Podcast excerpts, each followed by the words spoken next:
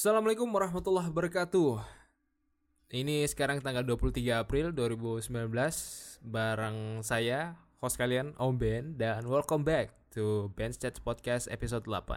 Welcome to Ben Stats Podcast.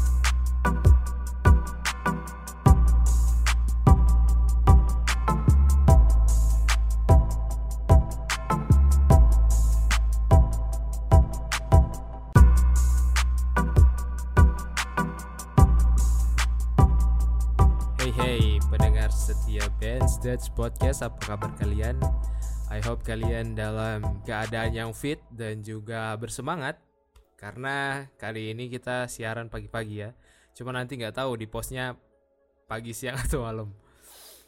Eh, seperti judul yang kalian baca episode 8 ini merupakan episode yang menurut saya eh, sangat menarik karena saya sendiri sebagai pelaku dan yang mengalami masalah ini karena sebagai background story tidak cuma kaum hawa kaum pria pun memiliki problem tentang berat badan. Jadi eh, kaum hawa nggak usah terheran-heran oh ternyata cowok juga worry terhadap berat badannya. Iya kami worry terhadap berat badan kami.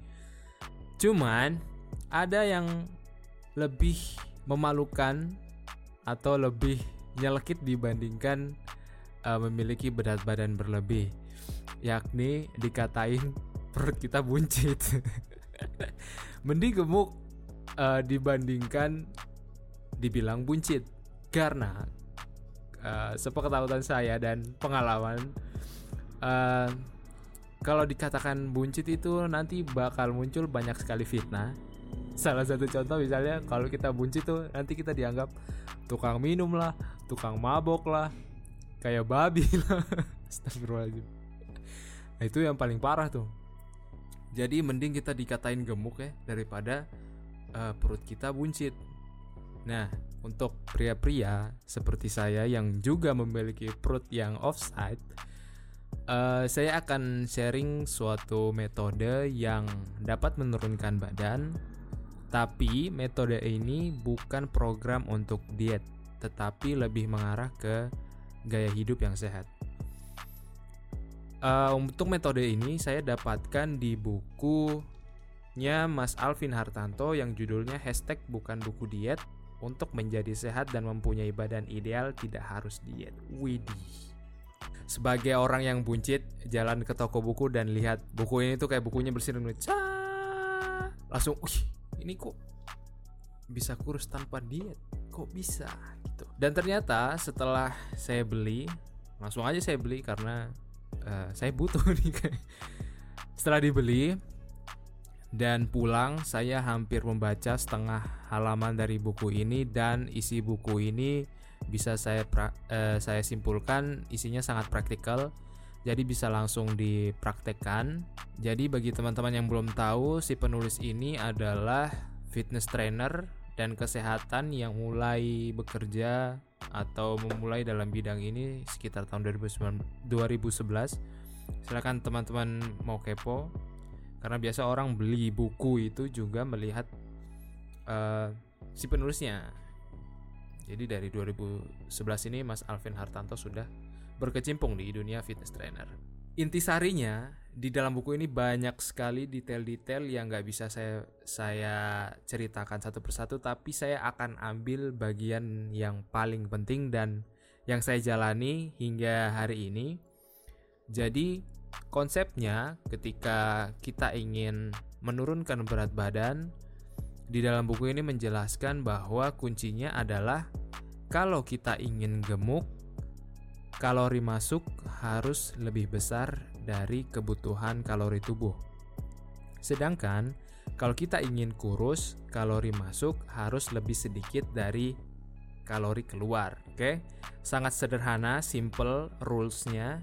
Tapi kalau dipikir-pikir lagi, masing-masing kita tuh punya kadar kalori yang tidak sama. Jadi meskipun misalnya uh, si A B badannya gemuk tinggi dengan gemuk kurus itu memiliki kadar kalori yang berbeda. Terus bagaimana cara mengukurnya? Nah, di buku ini tuh dijelaskan kalau menurunkan berat badan, rumusnya berat badan dikali 25. Jadi hasil berat badan kali 25 itu adalah kalori, kebutuhan kalori harian kita. Sedangkan kalau kita mau maintain berat badan kita untuk tidak naik lagi, itu berat badan dikali 30. Itulah hasilnya uh, kebutuhan kalori kita untuk maintain berat badan kita. Tetapi jangan salah kaprah bahwa ketika kita karena memperhatikan konsep ini, ketika kita memutuskan untuk misalnya nih berat badan saya kan 77. Aduh, itu nggak nggak nggak genap lagi kalau 77 kali 25 kan sulit. Ah, misalnya 50, 50 aja. 25 kali 50 berarti 125 ya, 125 tambah 0 berarti 1250 kalori. Nah, itu kalau saya mau menurunkan badan, saya harus makan uh, kalori sebanyak 1250 kalori. Tapi kalau kita mengkonsumsi kalori di bawah itu, itu tidak akan mempercepat uh, penurunan berat badan kita. Namun yang terjadi adalah akan terjadi gangguan uh, metabolisme tubuh karena pada dasarnya kita bernafas, kemudian kita jalan, kemudian kita beraktivitas, duduk di depan komputer atau main laptop bahkan, nah itu memerlukan energi juga. Jadi teman-teman harus tetap makan dan harus sesuai dengan kalori atau target kalori harian teman-teman. Jadi kalau metabolisme kita terganggu, itu artinya pembakaran dalam tubuh kita bisa terhambat. Oke, itu itu hal yang pertama. Kemudian untuk hal yang kedua, ini ini masih nyambung dengan yang pertama adalah mengatur pola makan yang benar dan efektif. Kuncinya harus menghindari sebuah eh sebuah lagi. Semua makanan pabrik yang mengandung gula tinggi seperti biskuit, chips, coklat, dan lain-lain. Kemudian, semua makanan yang terbuat dari tepung, seperti roti, kemudian cemilan pasar. Tapi kalau misalnya teman-teman memang pengen makan roti, disarankan pilihlah roti yang terbuat dari gandum. Kemudian semua makanan pabrik yang memiliki gula di atas 5 gram sebaiknya itu nggak usah dibeli. Kemudian makanan yang digoreng. Makanan yang digoreng itu bisa uh, nasi goreng, kue tiaw goreng, pisang goreng, goreng-gorengan itu dilarang. Kemudian makanan yang manis seperti bolu, brownies itu juga dilarang. Jadi dari semua ini intinya adalah jauhi makanan gorengan dan juga makanan gula kalau tadi pengen makan roti, pilihlah roti yang mengandung atau terbuat dari gandum. Kebalikannya, yang harus kita konsumsi adalah pertama makanan alami seperti daging-dagingan, tempe, tahu, sayur, dan buah. Kemudian produk makanan yang bersifat dairy kayak susu, telur, yogurt, uh, dan pastikan semua yang kita makan misalnya kita makan yogurt nih yogurt kan ada bermacam-macam. Itu pastikan produk tersebut gulanya di bawah 5 gram. Kemudian ada kacang-kacangan seperti selai kacang kemudian selai almond dan lain sebagainya. Eh selai almond lagi. Selai kacang kacang almond dan lain sebagainya. Nah itu bagus untuk tubuh. Kemudian karena di sini dibilang di buku ini dibilang uh, tidak boleh menggunakan atau memakan gorengan.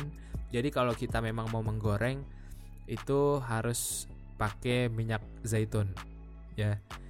Cuma metode ini susah. Pertama karena minyak zaitun tuh mahal ya. Ternyata minyak zaitun tuh mahal.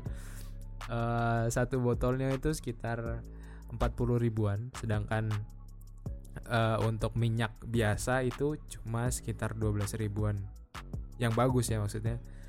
Yang bagus 12 ribuan 15 ribuan lah. Jadi saya masih pakai minyak goreng biasa. Cuma minyak minyak gorengnya sedikit. Kemudian yang keempat segala jenis sayuran. Jadi itulah hal-hal hal-hal atau makanan-makanan yang harus kita konsumsi dalam mengikuti metode ini. Nah, di sini saya coba bahas ya. Itu kan kita bingung banget tuh. Hampir setiap poin yang kita dilarang untuk makan dari makan biskuit, coklat, roti, kemudian brownies, gorengan dan lain sebagainya.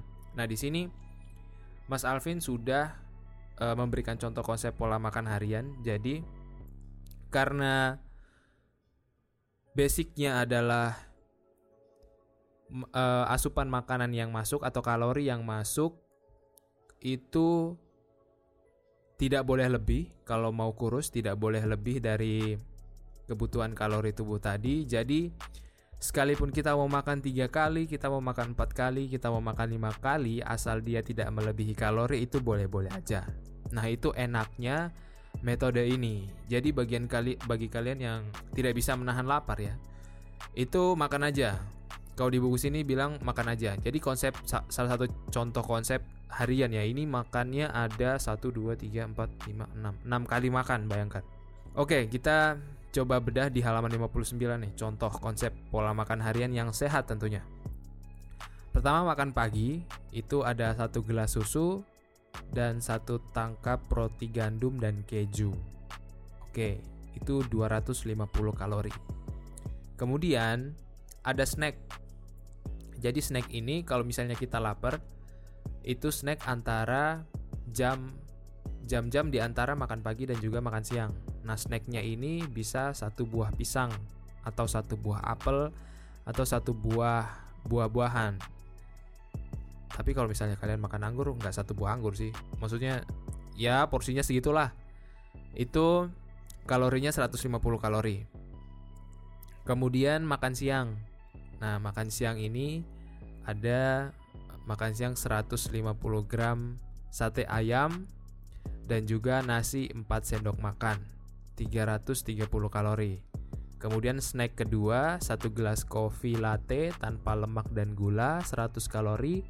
Kemudian makan malam 150 gram semur daging plus nasi 4 sendok makan itu 350 kalori. Kemudian snack ketiga itu snack setelah makan malam 1 cup yogurt rendah lemak 150 kalori. Jadi totalnya sekitar 1330 kalori. Nah, 1000 tadi kan berat misalnya berat badan 50 kan 1250. Nah, kalau misalnya kita punya berat badan 60 ya inilah salah satu contoh konsep pola makan harian karena dia totalnya 1330 kalori. Yang perlu digarisbawahi di sini adalah uh, snack ini kalau kalian rasa kalian tidak tahan atau lapar silahkan dimakan. Kalau enggak, enggak usah, enggak apa-apa. Kemudian nasi yang kalian konsumsi itu harus 4 sendok makan atau harus dikurangi porsinya. Jadi jangan sampai uh, lewat perhitungan kalorinya. Terus kalau ngitung kalori itu kan ribet ya. Jadi awal-awal dulu saya eh awal-awal dulu, awal-awal saya ngikuti metode ini emang ribet untuk ngitung kalori itu apalagi ada 150 gram dan lain sebagainya. Nah, itu saya pakai aplikasi namanya Samsung apa ya? Samsung Fit apa ya? Kalau kalau kalian punya HP Samsung itu ada namanya aplikasi Samsung Health. Nah, Samsung Health ini uh, aplikasi yang didesain untuk uh, kesehatan. Jadi di situ akan mengatur pola makan, pola tidur, kemudian minum dan lain sebagainya. Dan khususnya untuk makannya itu mereka memiliki uh, data makanan yang cukup banyak. Jadi kayak makanan bermerek di toko itu mereka semua punya, cuma ada beberapa yang nggak punya. Misalnya, misalnya tahu bacem itu nggak ada. Tahu bacem, kemudian saya pernah tulis tahu bacem, terus bukan salad. Ada ada sayur yang nggak ada sayur sayur terong gitu nggak ada, padahal di warteg banyak ya. Nah itu kita kira-kira aja kalorinya. Nanti setelah beberapa minggu kita melakukan perhitungan ini nanti minggu minggu minggu berikutnya kita udah tahu batas kalori kita tuh seperti apa. Jadi sampai hari ini saya udah nggak pakai Samsung Health sebagai penghitung kalori karena udah tahu konsumsi harian.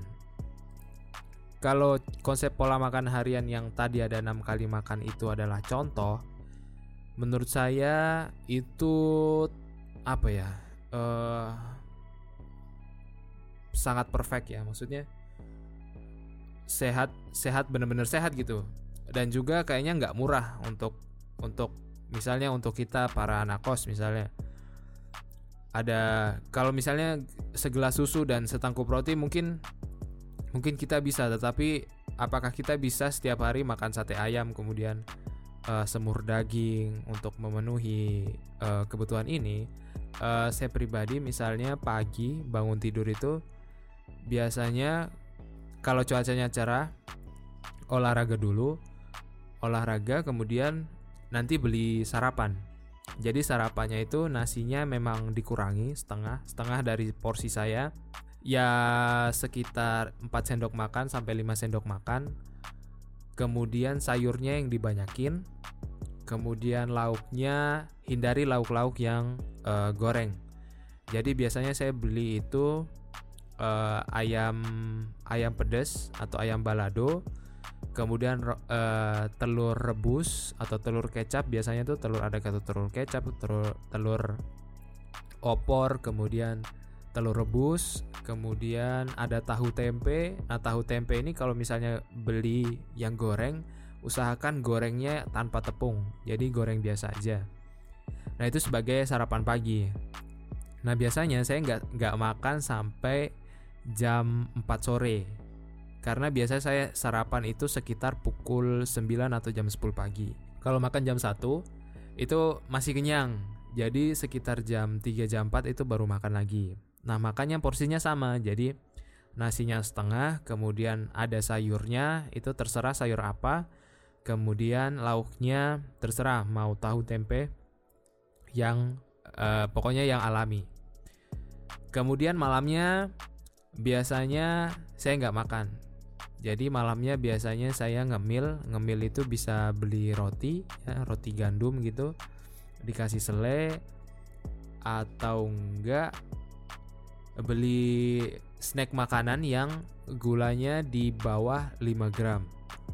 Nah itu biasanya uh, untuk makan malam. Cuma yang malam ini nggak mesti setiap hari sih. Kalau pengen aja. Jadi biasanya lebih banyakin minumnya. Dan alhamdulillah sejauh ini uh, badan nggak merasa kayak tersiksa gitu kan. Kadang kalau kita ngikut diet itu wah kita di di apa ya pantengin nggak boleh makan ini nggak boleh makan itu dari jam ini sampai jam itu dan banyak sekali makanan-makanan yang harus dihindari.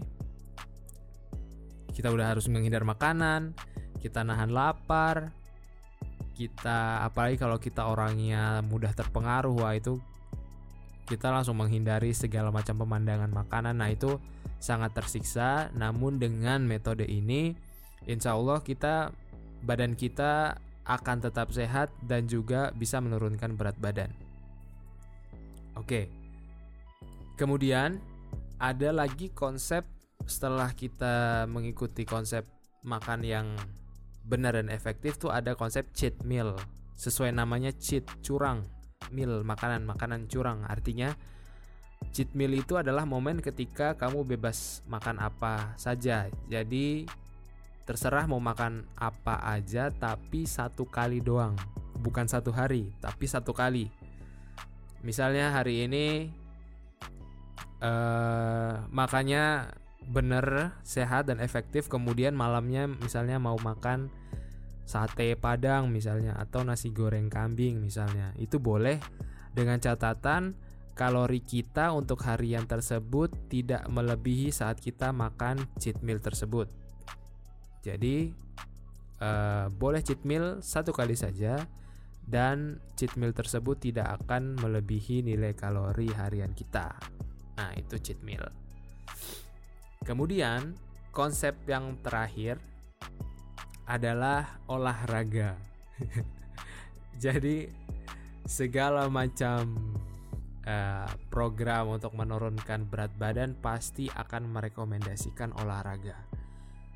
Dan untuk orang yang ingin menurunkan berat badan, olahraga ini menjadi momok yang bikin ciut nyali karena uh, wah butuh effort, kemudian butuh niat yang emang keras. Saya juga dalam menjalankan metode ini, metode hidup sehat ini kurang lebih sudah sekitar 6 minggu, cuma baru mulai olahraganya itu 4 minggu sampai hari ini sudah mau masuk 4 minggu. Dan yang dari buku ini jelaskan bahwa olahraga itu nggak harus menyiksa karena kita tahu hari ini tuh banyak banget jenis olahraga yang untuk menurunkan berat badan kan itu harus olahraga yang kardio ya. Kardio jadi olahraga kardio zaman sekarang ini banyak banget uh, bentukannya.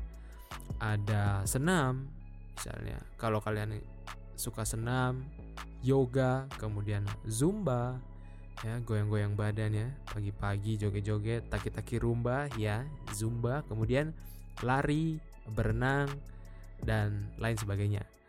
Namun yang harus menjadi catatan adalah olahraga ini harus teratur.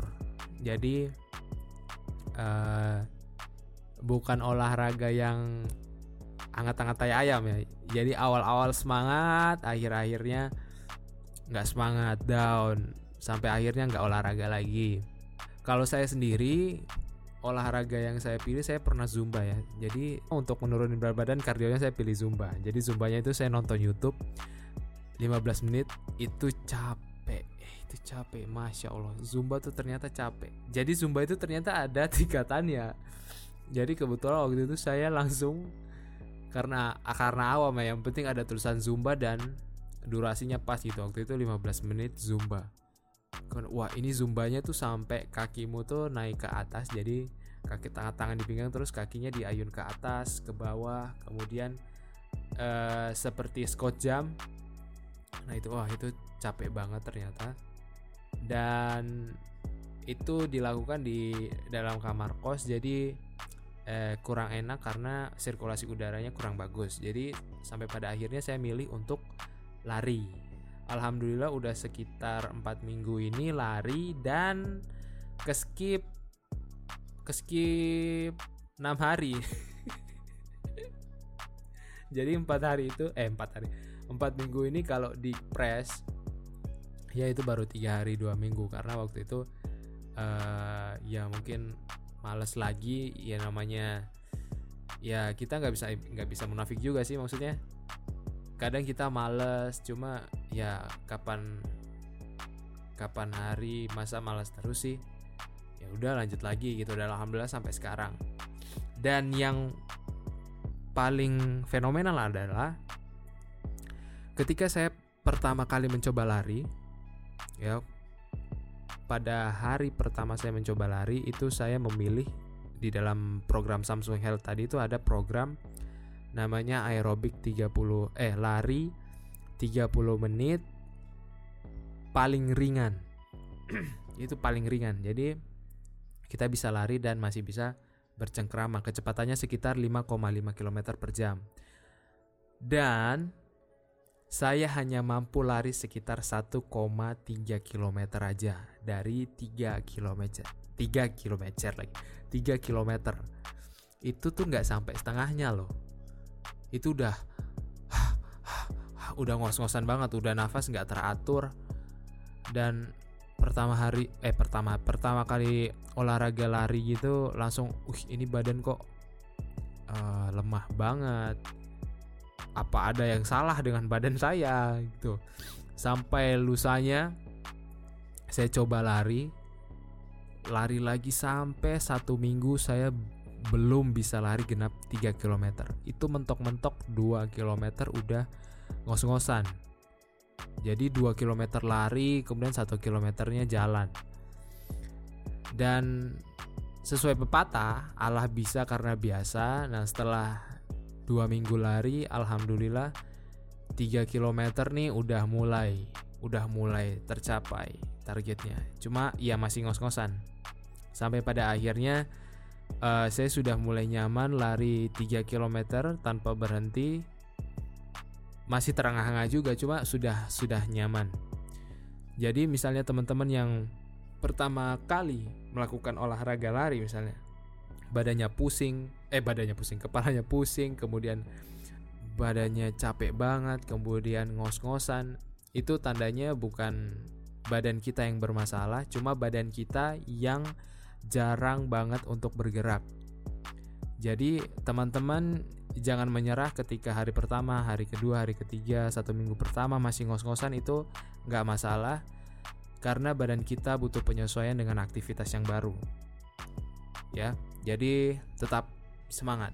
Dan yang perlu diingat dalam mindset kita adalah semua yang kita lakukan ini adalah untuk diri sendiri bukan karena pacar, bukan karena keluarga, bukan karena siapa?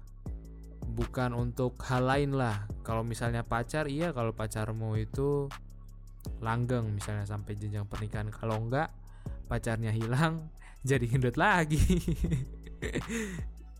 tapi tapi ada satu satu ini motivasi pribadi sih uh, ada satu hal yang paling manjur. Kenapa saya melakukan hal ini semua adalah karena pekerjaan. Jadi kalau misalnya kita kerja itu ternyata ada namanya pengukuran lingkar perut, kemudian berat badan ideal dan lain sebagainya. Dan itu banyak uh, menjadi momok para pelamar kerja ya. Jadi wah gendut nih. Ya udah olahraga. Dan alhamdulillah motivasi itu sampai sekarang ya. Dan saya nggak tahu nanti kalau misalnya sudah misalnya udah kerja amin ya rabbal alamin. Tapi kayaknya enggak sih. Soalnya kan kalau badan kita udah terbiasa terprogram aktivitas baru selama 40 hari biasanya tuh badan kalau nggak lakuin itu bakal bakal apa tanda kutip bakal meronta-ronta lah bakal minta gitu. Tapi kalau dipikir-pikir dipikir-pikir lagi sebenarnya kita membuat badan kita sehat itu adalah investasi jangka panjang sih. Ya kita meskipun uh, misalnya ya uh, sekarang mungkin kita motivasinya pacar kemudian kita motivasinya pekerjaan.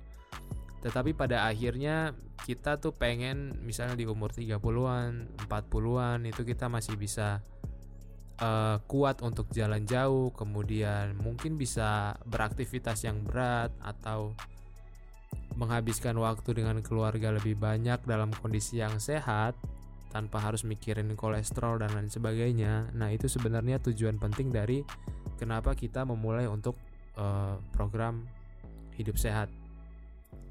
Terus, yang mesti ditanam ke mindset kita adalah ya sebagai manusia kita nggak munafik ya, jangan munafik bahwa uh, misalnya badan kita atau badan saya gendut nih, uh, saya bilang ya nggak apa-apa gemuk. Yang penting bahagia dan makan apa saja. Come on bro. Uh, kalau misalnya kamu ngomong kayak gitu ya ngapain kamu beli baju warna hitam? Kemudian ngapain beli baju yang ukuran gede hanya untuk menutup badan? Jadi uh, sadari bahwa tubuh kita ini perlu dijaga. Jaganya bagaimana kita nggak perlu misalnya terlalu keras pada tubuh kita ya. Dengan metode ini saya rasa uh, bisa menurunkan berat badan. Oh iya saya belum bilang. Dari dari awal tadi uh, podcast ini saya luncurkan ketika saya melihat timbangan di salah satu apotik. Jadi saya beli obat kemudian saya iseng nimbang berat badan dan berat badan saya sebelumnya itu 80 kilo 80 kilo pas saya timbang itu 77 kilo jadi dalam dalam jangka 6 minggu itu saya menurunkan 3 kilo. Jadi satu setengah bulan 3 kilo. Ya lama sih memang. Cuma program ini ya program ini bukan program untuk diet. Jadi kalian bayangkan satu setengah bulan kalian bisa menurunkan 3 kilo. Kalian tidak perlu khawatir atau tanpa harus worry terhadap kamu nggak boleh makan ini, kamu nggak boleh makan itu, kamu harus konsumsi ini sampai jam segini, jam segitu. Enggak, kalian masih bisa boleh makan asal sesuai dengan kalori batas kalori harian, badan kalian masih tetap turun. Itu enaknya metode ini dan alhamdulillah metode ini cocok dengan dengan badan saya gitu. Alhamdulillah. Jadi teman teman-teman yang penasaran silahkan mencoba metode ini. Kalau kalian mau beli bukunya juga boleh ada di berbagai macam toko buku. Ini nggak endorse ya. Cuma saya rasa buku ini sangat sangat menun, sangat bagus untuk menuntun kita memilih pola hidup yang sehat. Jadi jangan beli buku ini karena diet, tapi beli buku ini karena kalian pengen uh, merubah pola hidup yang sehat. Kemudian bagi teman-teman yang masih berjuang atau ingin memulai menurunkan berat badan atau mengatur pola hidupnya, uh, keep going. Kemudian alasan-alasan yang terbentuk dalam pikiran kita itu kita sendiri yang buat. Misalnya hujan lah, kemudian panas lah. Itu kalau kita memang punya niat kita pengen badan kita ini sehat, badan kita bagus, itu pasti akan kalah. Jadi tetap semangat teman-teman. Dan saya berani ngomong ini karena saya sendiri melakukannya dan alhamdulillah berhasil. Dan mudah-mudahan akan terus istiqomah dan mungkin nanti akan update ya. Ini kan 77 kilo. Ya berharap berharap ya bisa sampai 70 kilo lah. Meskipun Ramadan sebentar lagi insya Allah niat saya kuat. Oke saya rasa itu aja uh, episode kali ini mengenai pola hidup sehat ya dan ada satu hal yang saya ingin umumkan lagi di sini pada teman-teman bahwa Best Stats Podcast sudah ada di Spotify, di Anchor FM, and Google Podcast. Jadi Best Stats Podcast sekarang, wah saya senang sekali. Sekarang udah udah ada di di platform tadi yang saya sebutkan. Nanti kalian tinggal cari Stats Podcast. Nah itu kalian langsung bisa dengerin di tiga platform tadi Cuma saya sarankan teman-teman download Anchor, download Anchor FM. Jadi uh, Benstead Podcast tuh uh, ter apa terkoneksi dengan Anchor. Jadi episode pertama tuh pasti akan muncul di Anchor duluan. Enaknya Anchor juga kita bisa mengirim pesan-pesan berupa suara kepada podcaster favorit kita. Jadi kalau teman-teman butuh pertanyaan atau apa dan uh, ingin mengirimkan dalam bentuk suara, nah itu bisa lewat Anchor FM. Dan kemudian dari sana akan di spread out ke Spotify dan ke Google Podcast. Nah, silahkan teman-teman uh, follow, kemudian screenshot podcast yang kalian dengar, mention ke saya nanti bakal saya repost. Oke, sampai sini dulu. Terima kasih perhatiannya teman-temanku semua. Mudah-mudahan kita menjadi manusia-manusia yang sehat dan gak sakit-sakitan. Amin amin ya robbal alamin. Karena di agama saya, agama Islam, yaitu Allah lebih suka muslim yang kuat dibandingkan muslim yang lemah. Dan saya rasa agama lain juga eh, mengajarkan seperti itu ya. Oke, terima kasih banyak uh, atas perhatian kalian. Nanti akan ada beat dari Om Ben Beats yang akan mengisi di Best Sales Podcast. Dan saya Om Ben Take Off Position. Assalamualaikum warahmatullahi wabarakatuh. Ciao